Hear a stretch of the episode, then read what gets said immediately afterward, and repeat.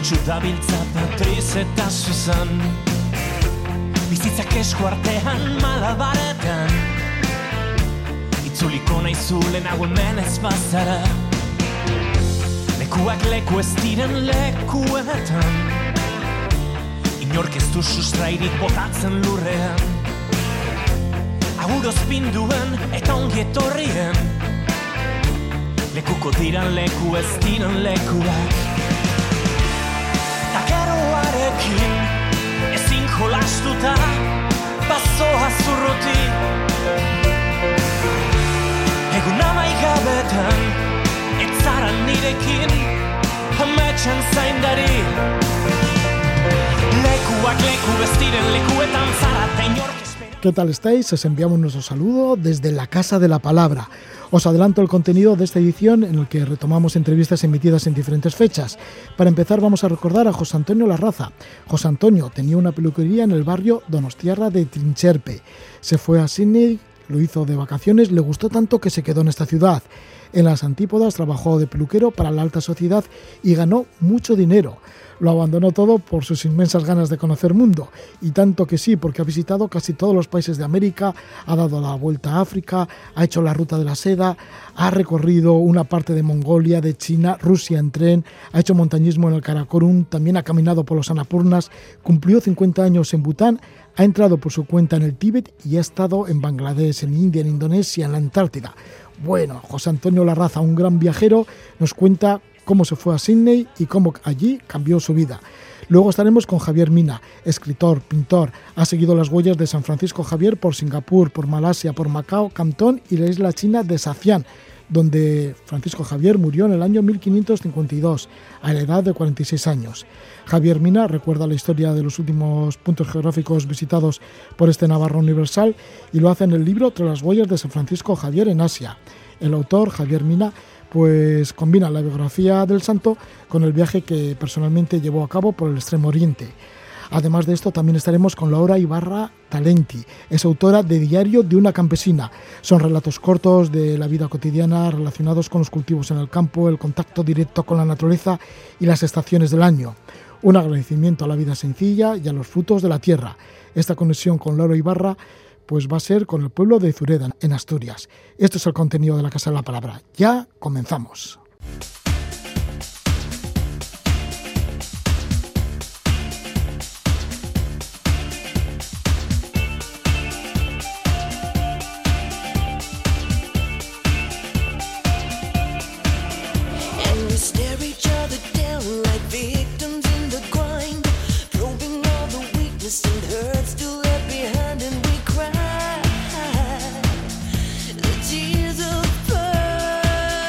Música del grupo de Sydney, Australia, Savage Garden. Vamos a estar con José Antonio Larraza, un donostiarra que vive desde el año 1995 en Sydney y de Sydney pues ha hecho su campamento base para recorrer el mundo. Hasta ahora conoce 115 países y los ha hecho en los últimos 11 años. Enseguida estamos con José Antonio Larraza, pero antes escuchamos a Savage Garden.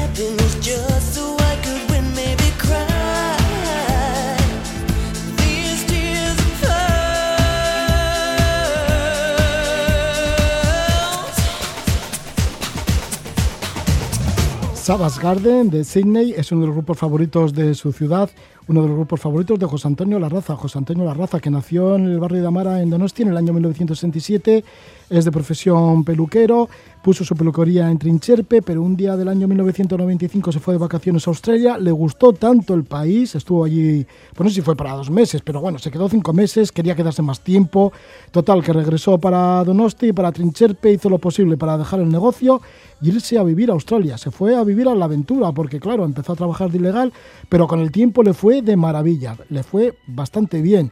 Incluso luego alquiló un piso que tenía en el centro de Sydney y se fue a viajar por el mundo. Total, que en los últimos 11 años ha recorrido 115 países y no para. Mm, para muy poquito, ahora que le tenemos por aquí, por Donosti, pues José Antonio Larraza nos va a comentar un poquito cómo, cómo le ha ido la vida por Sydney. José Antonio Larraza, ¿qué tal estás? Muy buenas noches, Gabón. Hola, buenas noches, muy bien, gracias. José Antonio, pues he hecho un pequeño resumen, pero bueno, fue algo así, ¿no? Esto de que te fuiste a Australia, que te gustó tanto, que te enamoraste del país, que volviste a Trincherpe y decidiste dejarlo todo y volver a Australia, a Sydney. Tiene que ser toda una aventura, ¿no? Porque primero trabajaste de ilegal allí. Pues sí, a ver, yo nunca tenía la idea de haber ido a Australia ¿eh? Eh, y surgió así. Eh, conocí a un chico en, en, San Sebastián que era australiano, que había venido aquí por trabajo y me empezó a hablar de Australia y yo que soy muy decidido, pues necesitaba unas vacaciones, que estaba un poco estresado de, por el trabajo y me decidí a ir y así fue. Pero, a ver, nunca había pensado irme tan lejos, la verdad. Pero bueno, ha sido muy gratificante, la verdad, la experiencia haber vivido tantos años allí. ¿Qué tenía Sydney? ¿Qué descubriste en Sydney para quedarte a vivir? Bueno, pues es que es una ciudad muy bonita, es, eh, tiene una bahía espectacular, unas playas maravillosas y el clima es eh, muy moderado es un clima como mediterráneo, o sea, ni, temperaturas eh, eh, en verano muy altas ni en invierno muy bajas y mucho sol. Entonces, eh, yo que vengo aquí de San Sebastián, que es más bien nublado el, clima casi siempre, pues para mí aquello fue un paraíso. Y luego muchas oportunidades de trabajo, que eso es muy importante, claro oportunidades de trabajo igual dentro de tu oficio de sí, peluquero. Eh, para peluquero eran de las profesiones que más eh, requerían en, en, aquella época cuando fui yo. Había muchísimos eh, anuncios de para peluquero allí en esa época y bueno, me rifaban, la verdad. O sea que tuve mucha suerte. ¿Cómo conseguiste el permiso de trabajo? Porque los primeros meses mm, sería difícil. Pues sí, al principio muy, muy mal porque al trabajar ilegal, pues claro, la gente se aprovechaba de ti, te pagaba mal y te podían echar en cualquier momento, ¿no? Como eh, en varias ocasiones me echaron, claro. Pero bueno, em, poco a poco, insistiendo un poquito más, un poquito más, al final conseguí eh, trabajar para un peluquero francés que, él fue el que se decidió a esponsarme eh, y hacerme un contrato de trabajo para cuatro años. Y ahí es cuando ya empecé ya a sentarme más allí en Sydney y empezaron a salir bien las cosas y hasta que hoy en día ya estoy nacionalizado australiano, o sea que estoy contento. Sí, te ha ido muy bien. Y el caso es que cuando este peluquero francés te contrató, entraste dentro del mundo de la alta sociedad de Sydney. Pues porque este señor tenía hasta un Rolls Royce, iba a trabajar en Rolls Royce. Pues así es, con un maletín de maravilloso, trajeado que iba y con su Rolls Royce. Bueno, pues eh, tuve suerte, porque entré de lleno en, las ricas y millonarias de Sydney, en una zona que se llama Double Bay, doble bahía, donde están eh, la gente de muchísimo dinero y eran todo boutiques y peluquerías en esa zona y buenos restaurantes. Pues eh, la verdad que tuve mucha suerte y de ahí ya me metí en ese mundo y nada, para adelante y a ganar dinero. ¿Qué clientes tenías? Pues he tenido clientes de, todo tipo, he tenido gente de, la televisión que hacía, eh, líderes políticos y, y bueno, muchos empresarios y gente de, la alta sociedad allí de, de, Sydney. O sea que este francés, la verdad, que tenía, yo creo que la, mejor clientela de allí de Sydney, la verdad. En cuanto a los presentadores y presentadoras de televisión, estaba, por ejemplo, Mary. Sí, Mary Kostakidis, que es, eh, era la eh, eh, periodista de, y presentadora de la televisión de SBS, de las noticias de, de las 6 de la tarde y una de las periodistas más em, con, más renombre allí en Sydney en esa época. ¿eh? Y pues nada, tuve la suerte de que le caí muy bien y era, bueno, ha sido clienta mía durante muchos años. Lo que quiere decir que empezaste a ganar bastante dinero, ¿no? Pues sí. Trabajando para la gente de la alta sociedad de Sydney. Sí, la verdad que sí. Porque... O sea, que te metiste en el mundo del dinero y yo qué sé. Sí, sí, sí, ahí pues eh, aparte que te daban muy buenas propinas y, y, ese tipo de clientela no solo va una vez a la, a la semana a la peluquería, había, tenía clientes que, habían, que iban día sí, día no, día sí, día no. O sea que, mm, o sea, eh, gente con, eh, con mucho dinero y que necesitan un peluquero personal las 24 horas, ¿eh? ¿Trabajabas también a domicilio entonces? Eh, pues sí, sí, claro. cuando me necesitaban, si me necesitaban un domingo, yo estaba ahí o un sábado o a cualquier hora. Eh, porque ese tipo de clientela es muy exigente y, la verdad quieren tener un peluquero dispuesto las 24 horas. Los políticos, porque incluso llegaste a trabajar para el presidente, ¿no? Del partido. Bueno, en, en aquella época eh, Michael Tumble era líder del Partido Republicano. Eh, Susie, su mujer, que venía a la peluquería, eh, pues eh, nos dijo que su marido necesitaba eh, un corte de pelo y taparse un poquito las canas para una presentación que tenía importante. Bueno, y aquel, aquel día mi jefe me dijo, Josian, ¿quieres ir a, casa de este de Michael Tumble? Eh, necesita. Y yo le dije que sí, pues fui. La verdad que cuando llegué allí me quedé bastante impresionado de la casa tan inmensa que tenía, bueno, un lujo despampanante. Y pues nada, pero ellos muy sencillos y gente muy, muy simpática, la verdad. ¿Cómo era para ti descubrir Sydney, descubrir también la alta sociedad? Porque claro, en Trincherpe no estarías con la alta sociedad cuando trabajabas en tu peluquería. Pues no, fue un cambio radical de trabajar en Trincherpe, pero que estoy muy agradecido a todo el mundo allí y les mando un beso muy fuerte. ¿eh? Eh, a trabajar eh, con gente de, mucho dinero allí en Sydney. Bueno, te pasaste de, de, trabajar en un barrio obrero, podríamos decir, pues a trabajar así en Sydney con, pues eso, con la clase alta. Sí, sí, así fue. Pero bueno, me tuve que... Y encima las antípodas, o sea, que fue como un vuelco total. Sí, totalmente. Un cambio impresionante en, mi vida, la verdad, que es que sí fue. Bueno, ya solo de vivir en las antípodas ya es, estamos eh, upside down, o sea, eh, en el otro, en el otro lado estamos boca abajo, ¿no? O sea que... o sea que todo boca abajo. Entonces todo boca abajo, o sea, es todo diferente. Eh, boca abajo es todo diferente. Hasta el agua, cuando pones el grifo del agua, va en diferente, en diferente dirección de la que estamos aquí. O sea que... Volcaste tu vida totalmente, ¿no? Sí, sí, sí. ¿Y cómo te fuiste adaptando a ese mundo? Bueno, tengo que reconocer que al principio me costó mucho, ¿eh?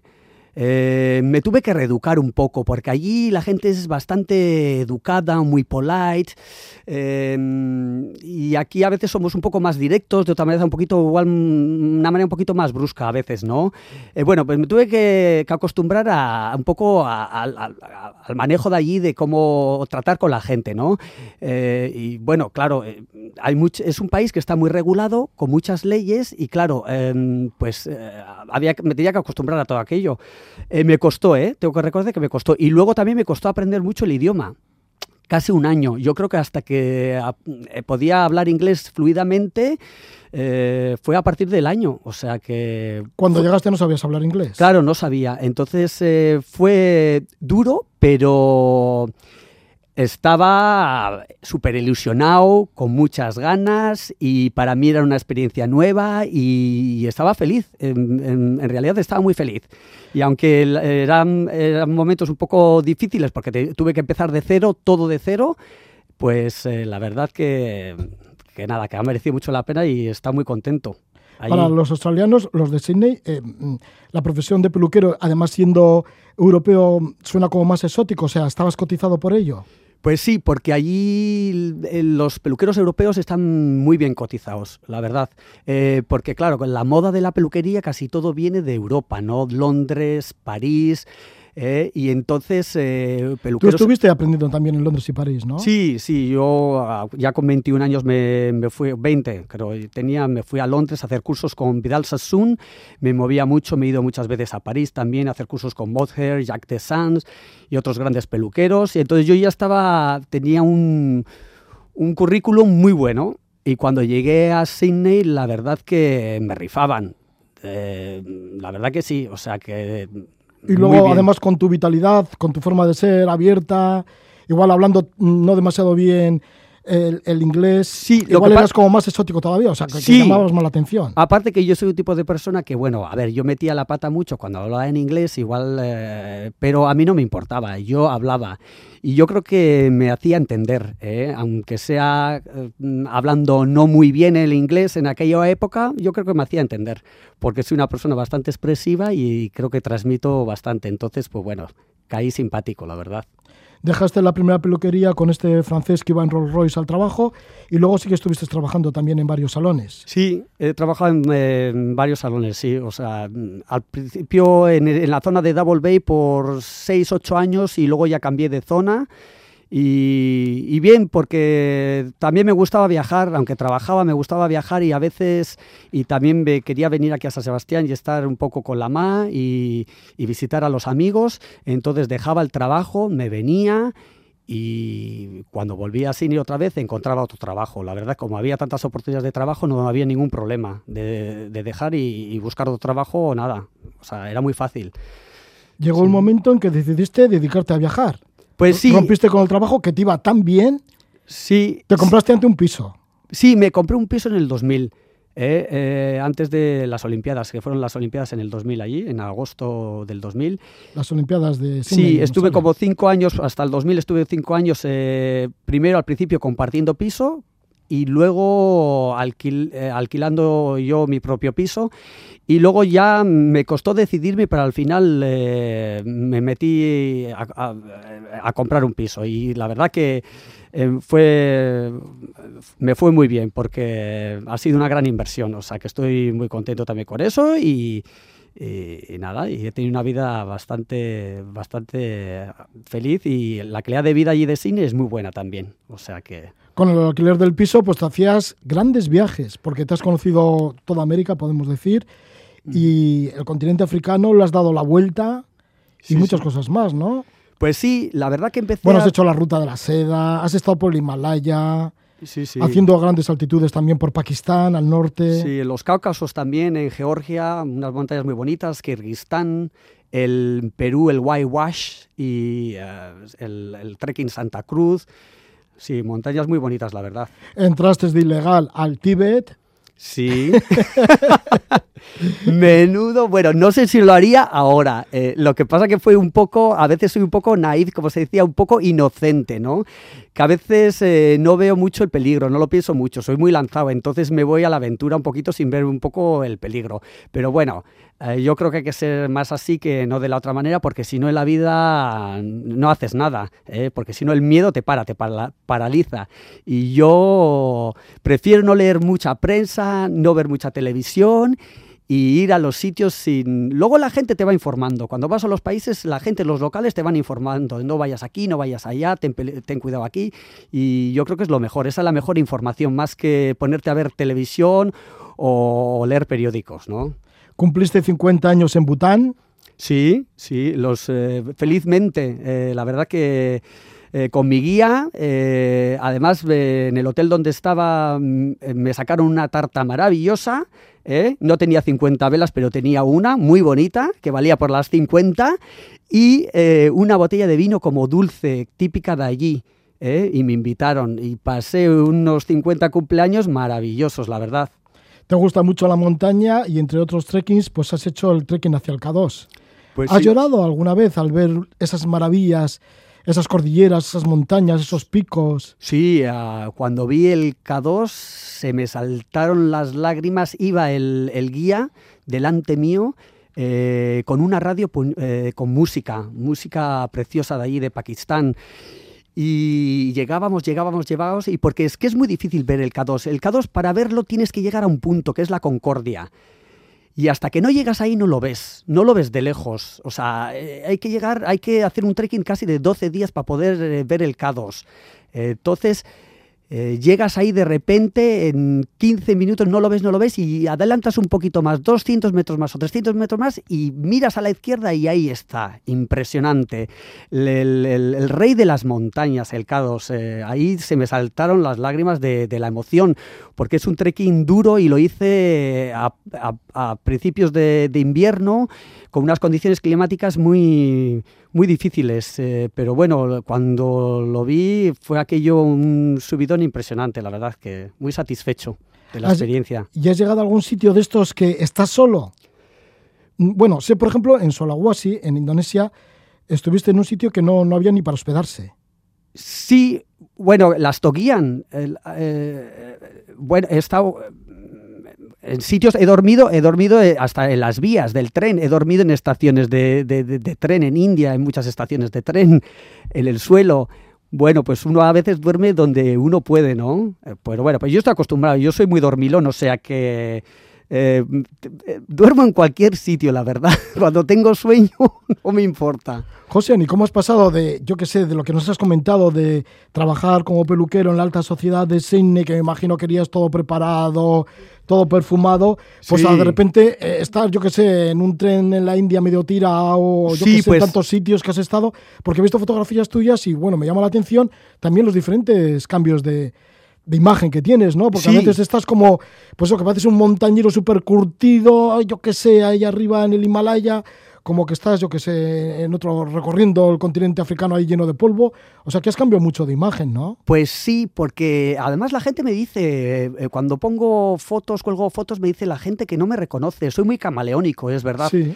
Entonces eh, sí que es cierto, la gente enseño fotos y me dice, ese eres tú, no puede ser, no puede ser, no puede ser. Pues sí, pero es que soy así, soy camaleónico. Yo creo que soy una persona que que me adapto. Entonces, donde voy al país, yo soy uno más.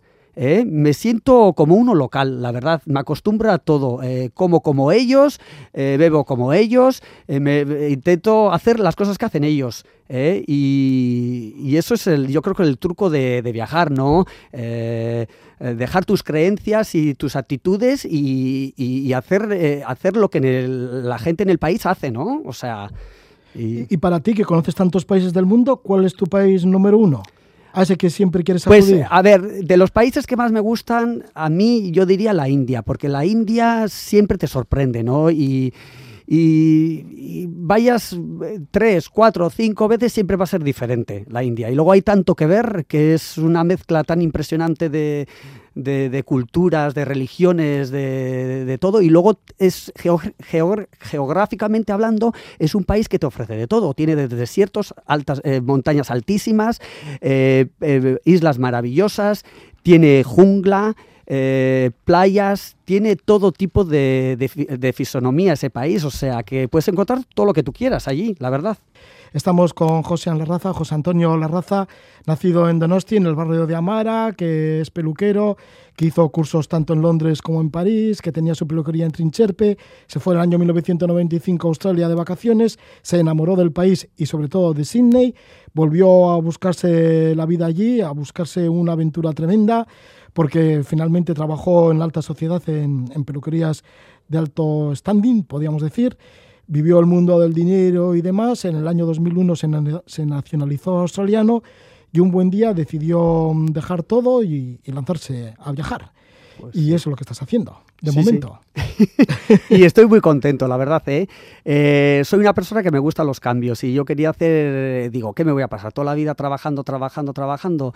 Pues eh, la vida no solo es trabajar y hacer dinero. Pues eh, quería un cambio en mi vida y empecé a, viajar y, el viajar es una droga que, que es muy difícil de dejar, la verdad. Y, ahora voy a seguir viajando hasta que, hasta que no pueda más, yo creo. ¿eh? Mucha suerte, José. Buenas noches y es que casco.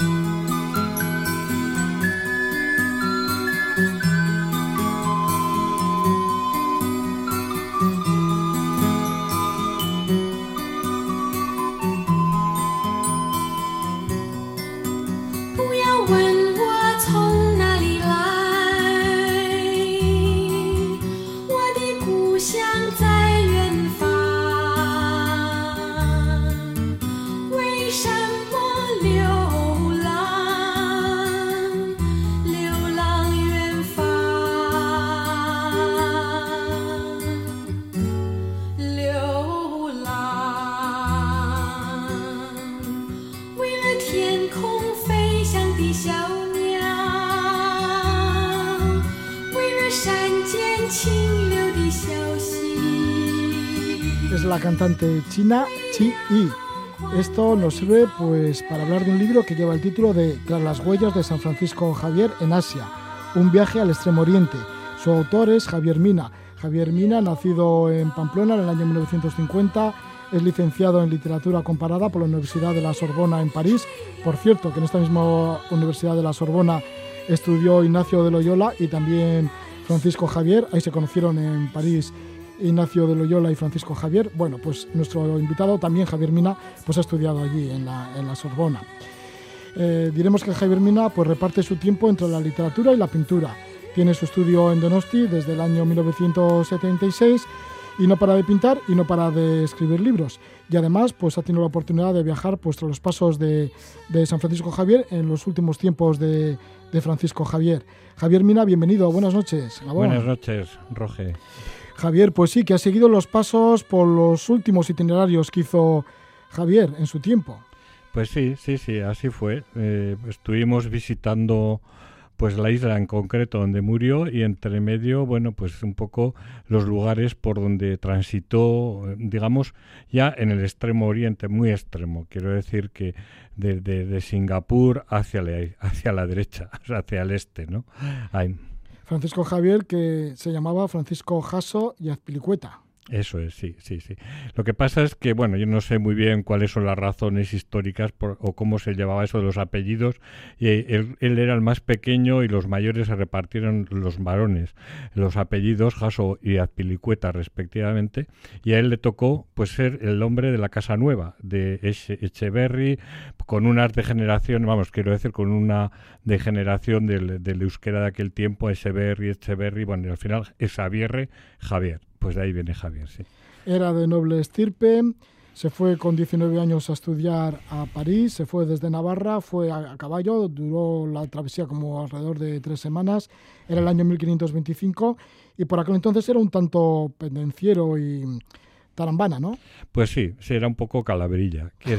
decir, hombre, es normal que, bueno, un tío joven con, digamos, con posibles y la posibilidad de, estudiar nada menos que en París, que llegue a París y aquello le parezca, pues no sé, pues una cosa increíble después de haber salido de una, de una casa que estaba en medio de ninguna parte, porque el castillo de Javier estaba muy cerca de, de Sangüesa, por ahí cerquita, pero vamos, que era, en aquellos tiempos no era gran cosa aquel, aquel espacio, ¿no?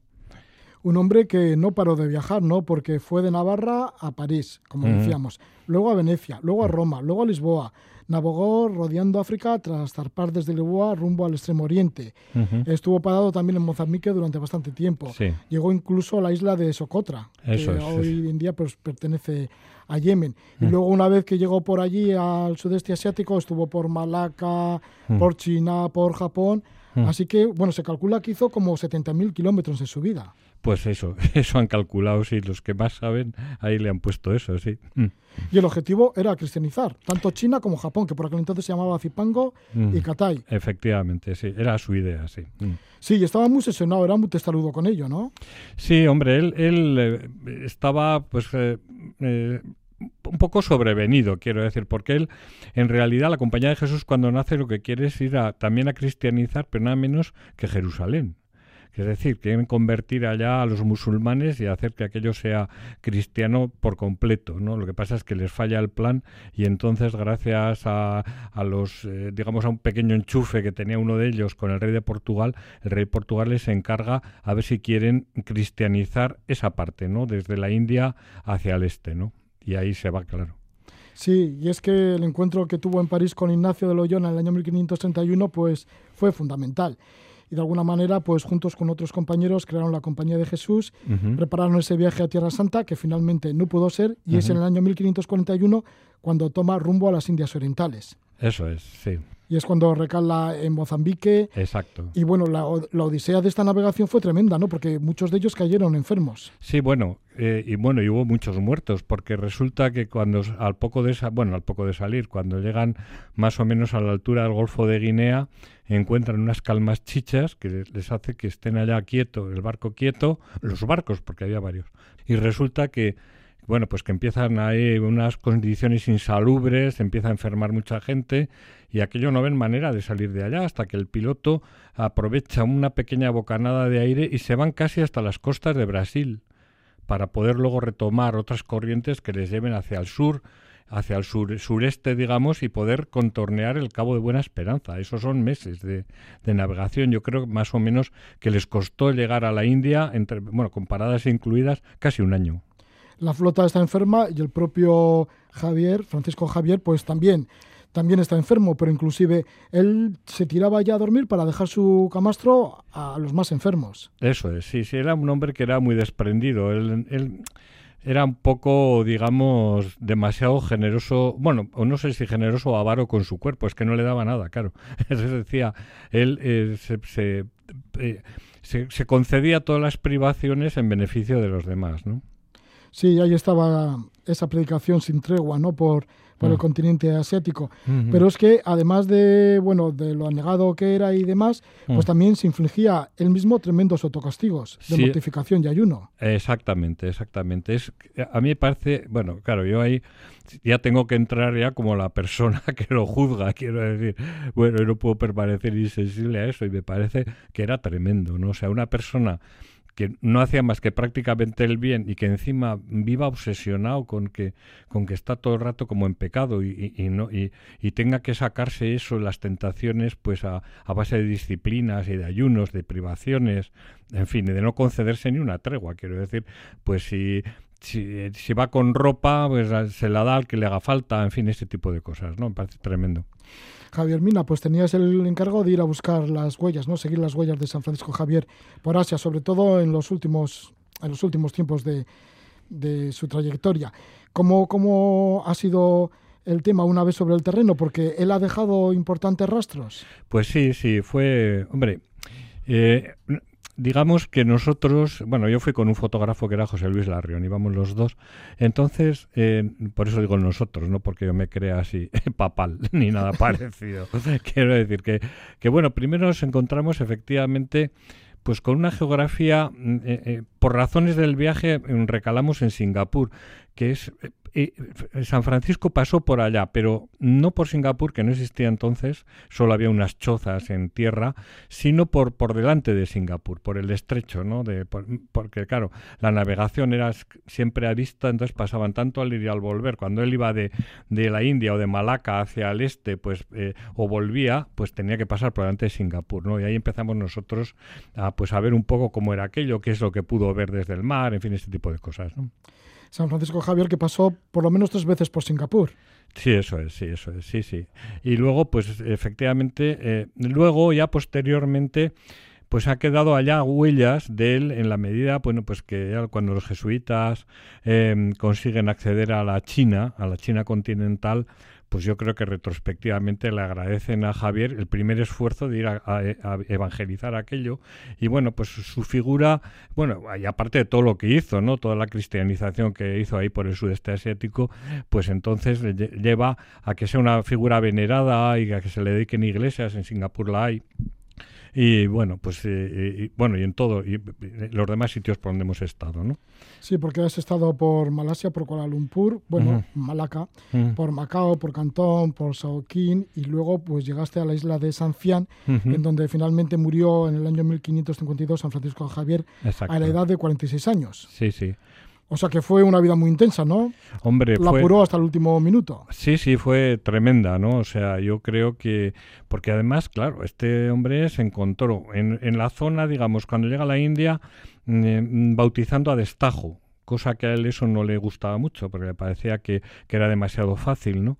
Y entonces cuando oí hablar de, gracias a un, a un japonés que se, se viene en barco, a, que ahora no me acuerdo si era Malaca o Agua, y se encuentra con él, tiene noticias San Francisco de que, de que allá en Japón hay mucha labor por hacer, pero sobre todo que hay universidades que eso es lo que a él le tienta, es decir, él ya pasar de, cristianizar un poco en, serie a ir a, convencer a los sabios japoneses de la idoneidad de la, de, la, del mensaje católico, ¿no? Entonces, ese es su propósito.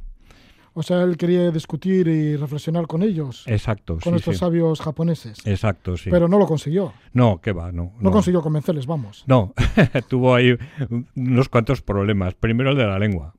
Claro, él directamente no podía hablar, entonces él se inventa una especie de japonés que les producía risa a la gente de la calle, que también él predicaba en la calle, la gente se reía de él, y los veían a él y a sus compañeros tan pordioseros que les escupían o les tiraban piedras o lo que fuera. Y luego ya digamos que ante los letrados, ante los, esos mm, maestros, pues lo que pasa es que también el, intérprete que tenía pues eh, San Francisco pues era una persona que no era culta, entonces era muy difícil transmitir las ideas que podía tener teológicas, digamos, eh, eh, San Francisco, y, en y en el caso en que hubiera podido transmitirlas, eran la distancia eh, eh, ideológica o cultural era tan gorda que era muy difícil que se entendieran las sutilezas respectivamente. Es decir, entonces cuando San Francisco estaba hablando del, del cielo y del infierno, pues no sé qué lo entenderían aquellos, ¿no?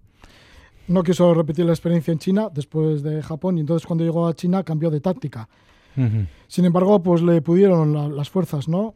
¿Y ah. cómo estaba físicamente? eso es. Hombre, él, se había hay que tener en cuenta que el viaje a Japón supone, desde luego, la navegación, más unas tormentas que tuvieron por allá, más luego es recorrer en pleno invierno pues buena parte de Japón andando, es decir, sometidos allá, tapados, descalzos, tapados con una especie de capa y demás, y recorrer aquello. Y aquello yo creo que le pasó bastante factura. Y él en Japón se dio cuenta que efectivamente tendría, si quería hacer algo, tendría que ir a la China, que era, eh, pues digamos, la, eh, los propios japoneses reconocían que eran los herederos de la cultura china. Entonces, cuando se plantea el viaje a China y, aquello le falla.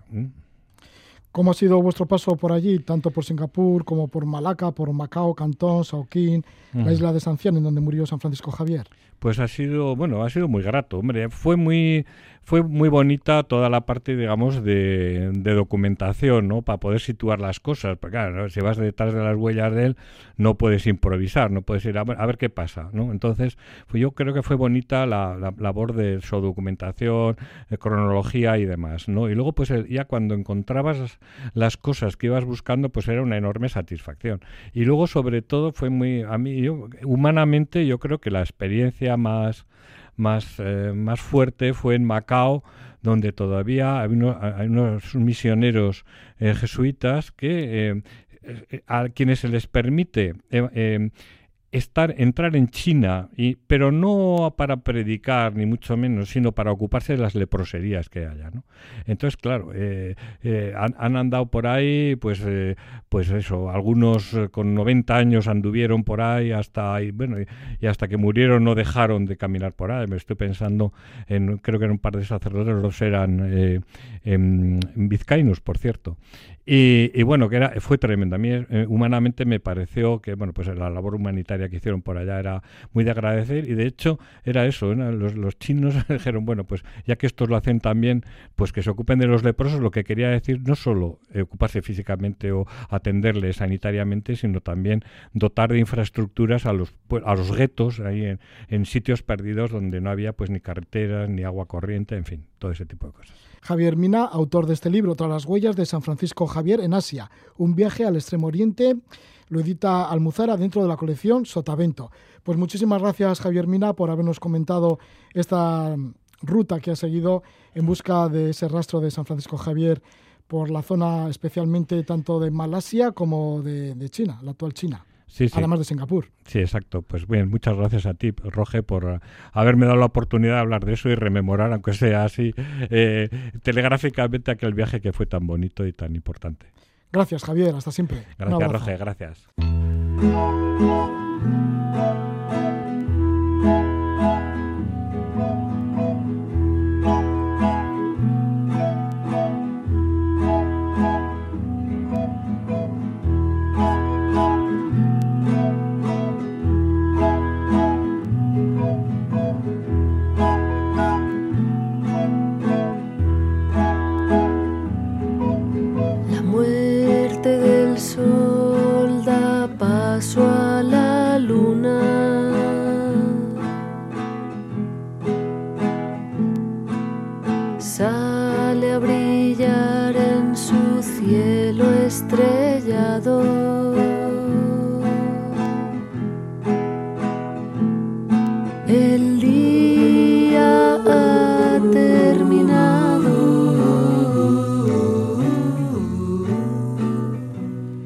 Es la cantante asturiana Lorena Álvarez con el tema Cae la noche. Enseguida tenemos conexión con Asturias, en donde estaremos con Laura Ibarra, autora del libro Diario de una campesina.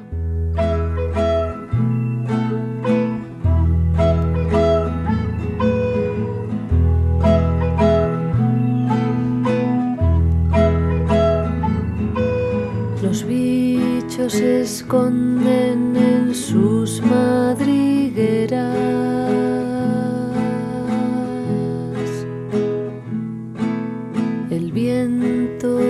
Soplando se lleva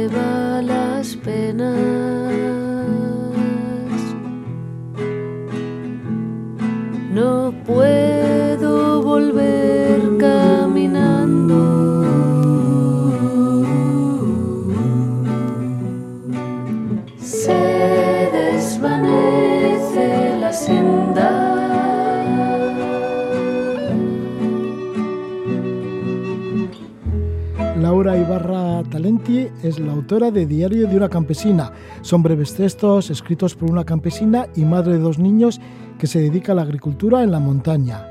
En la soledad ha escrito muchas observaciones de la naturaleza y ha plasmado muchos de sus pensamientos. Laura Ibarra Talenti nació en Oviedo en el año 1974. Estuvo estudiando arquitectura en Pamplona, se interesó por la arquitectura sostenible, la bioconstrucción y se fue al Pirineo Navarro. Estuvo en la defensa de Itois hasta que en 2005 se instaló en el Valle de Zureda, en Asturias. Se dedica al reparto a domicilio de cestas de verduras, pan y conservas.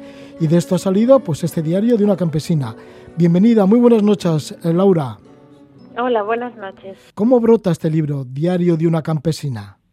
Bueno, pues esta es una demanda de las personas que reciben las cestas de verdura que llevo cada semana, a las que escribo una carta semanal con una lista de productos, pero en la carta pues siempre les cuento un poco de lo que está pasando por aquí. Y ellas mismas me pidieron que editara un libro. Y así has editado el libro en el cual se encuentran estos extractos ¿no? de literatura, pequeños extractos, en, lo que, en el que vas comentando, según el mes del año, pues algunos sucesos que te ocurren. Sí, sí, sí, eso es. Es una recopilación de esas cartas que yo les mando a ellas. ¿Y cómo es tu vida en Zureda? ¿Cómo es tu vida en la huerta y haciendo pan? Tengo una casa pequeña, tengo varias huertas que son cedidas, una alquilada y bueno, tengo un motocultor, con eso trabajo la tierra. Este año me he comprado un tractor y estoy empezando a conocerlo. Y luego tengo dos hijos, también me ocupo de ellos, los llevo al cole y esas cosas. ¿Es un lugar con pocos habitantes? Sí, aquí en la parte de arriba del pueblo ahora mismo vivimos cuatro adultos y mis dos hijos.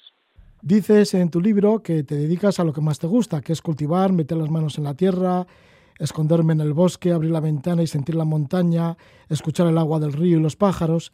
No gano apenas dinero, pero me alimento muy bien.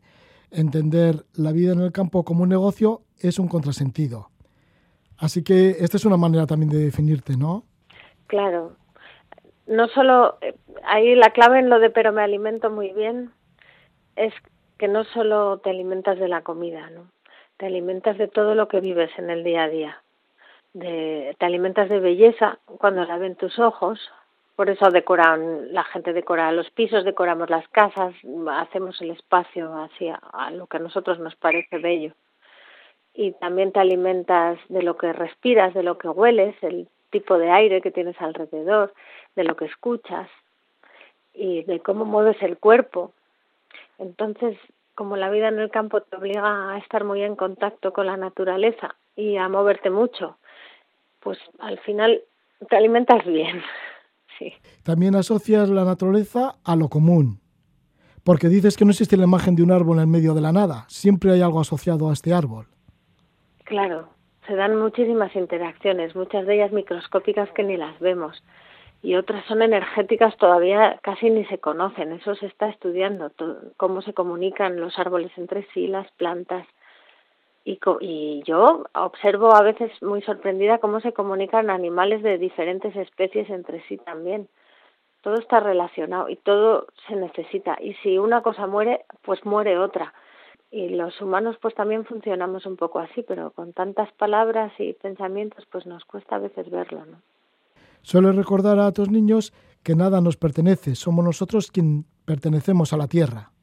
La tierra permanece y nosotros pues nacemos y morimos, aparecemos y desaparecemos, hacemos papeles, escrituras, ese tipo de cosas, pero luego eso todo en realidad no es nada comparado con el tiempo que lleva el planeta aquí, ¿no?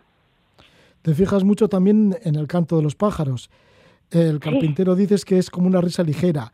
Y también la carpintera. O la carpintera, ¿no? Que es la que canta. Sí, es la carpintera. Y luego también el canto del mirlo, que dices que hacen frases y hacen párrafos, ¿no? Y te preguntas cómo pueden ser esas conversaciones entre los mirlos.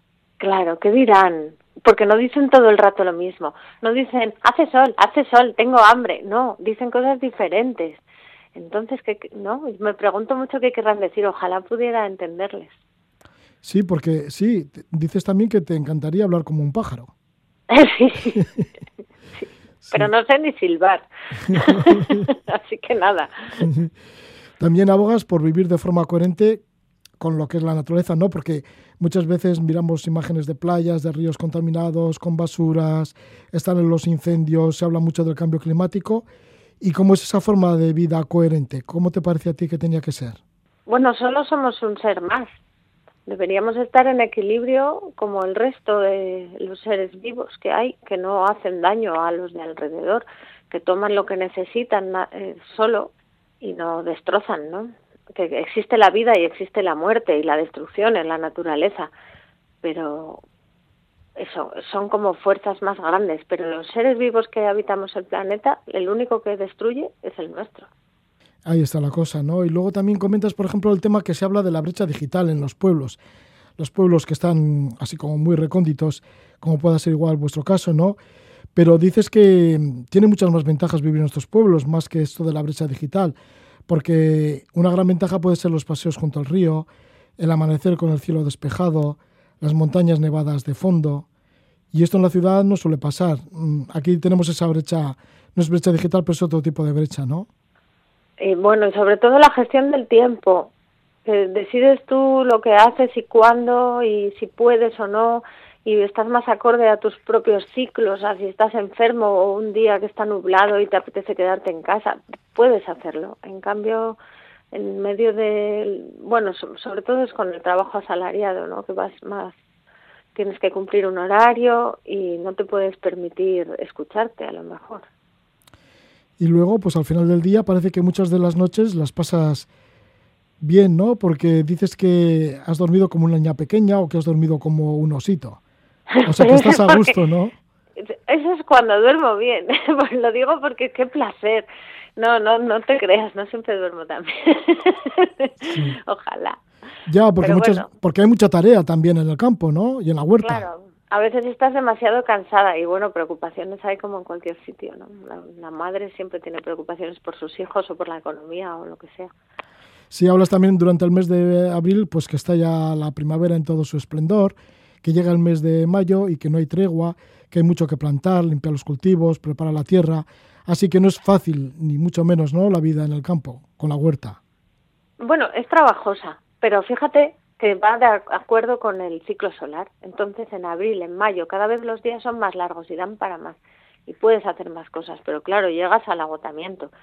Y, después ya llega el otoño y poco a poco empiezas a recogerte y a descansar. Entonces, bueno, pues hay que aguantar el tirón de primavera a verano y después ya sabes que va a venir el otoño-invierno. ¿Qué te cuenta el bosque? Porque a veces sí que te vas al bosque. Uy, el, el bosque cuenta muchas cosas muchas. Sí, y ahí dices que te encuentras con, viejos sabios, ¿no? ¿Quién son estos viejos sabios? ¿Los árboles? Son árboles, claro. Sí, sí, sí. Árboles que te acercas y te susurran algo, siempre. ¿Y qué te susurran? ¿Qué te suelen decir? Uy, esas son cosas muy íntimas. sí. Bueno, pues. yo suelo ir como como cuando necesitas ir, si eres pequeño, pues ir a ver a tu mamá o ir a ver a tu abuelo y que te dé esa seguridad de alguien que sabe mucho más que tú. Pues en esos momentos suelo ir a verles, cuando necesito a alguien que sepa mucho más que yo. Y entonces me lo cuentan. Y es increíble, lo oyes dentro de tu cabeza, parece que surge de ti, ¿no? Un pensamiento tuyo, pero ha venido del árbol. Laura, pues nos lees un texto, una parte de un texto, un extracto, por ejemplo, de la página 56, que corresponde al mes de agosto, porque ya hemos dicho, todo el libro está dividido en, en meses y nos situamos en agosto. Si nos puedes leer unos párrafos. Sí. Desde que vine, hace ya 14 años, tuve encima las miradas de mis vecinas y vecinos y sus opiniones basadas en sus tradiciones y costumbres, que en resumen venían a decir que del campo no se puede vivir. La hippie esa. Con el tiempo y mi trabajo algo de respeto me ha ganado y estoy segura de que cuando me muera alguien dirá que tenía sentido que yo hiciera esto, porque del campo no se hace dinero, lo, lo sé bien, pero hoy por hoy dinero no se hace en ningún sitio y me siento tan libre no trabajo para nadie, sobre mí sobre, solo mandan las nubes. El tiempo lo organizo yo como quiero, como necesito, a veces como puedo. Si llego, llego, y si no llego a todo, pues una pena, ¿qué se le va a hacer? Lo que hago me gusta y me hace feliz. No creo que tengamos más obligación en la vida que mantenernos vivas de la mejor manera posible, encontrar lo que nos mueve y dedicarnos a ello con pasión. Vender nuestro tiempo, nuestra vida, al fin y al cabo, a cambio de dinero, es el mayor error. Este sistema basado en el dinero y en el consumo esclaviza, empobrece, destruye. La belleza de la humanidad desaparece hasta que la humanidad pierde la humanidad misma y entonces solo somos monstruos. Y mientras tanto, las vecinas a la hierba como cada verano y yo limpio chiribías en completa paz, hundiendo los pies descalzos en la tierra seca. Pues aquí está la propia autora del libro, Diario de una campesina, Laura Ibarra Talenti, leyéndonos algunos párrafos, esta narración mm, que tiene muchos de ellos y bien bonitos, como el que acabamos de escuchar. El libro lo edita La fertilidad de la tierra dentro de la colección Tierra de Sueños. Pues muchísimas gracias, Laura Ibarra Talenti, por estar con nosotros desde Asturias, al lado de tu huerta, ahí en la montaña. Sí, muchas gracias a vosotros.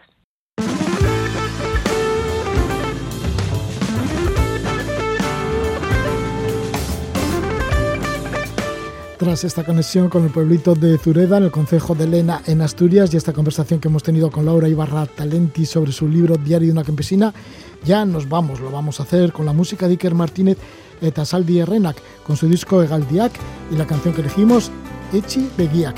Que disfrutéis.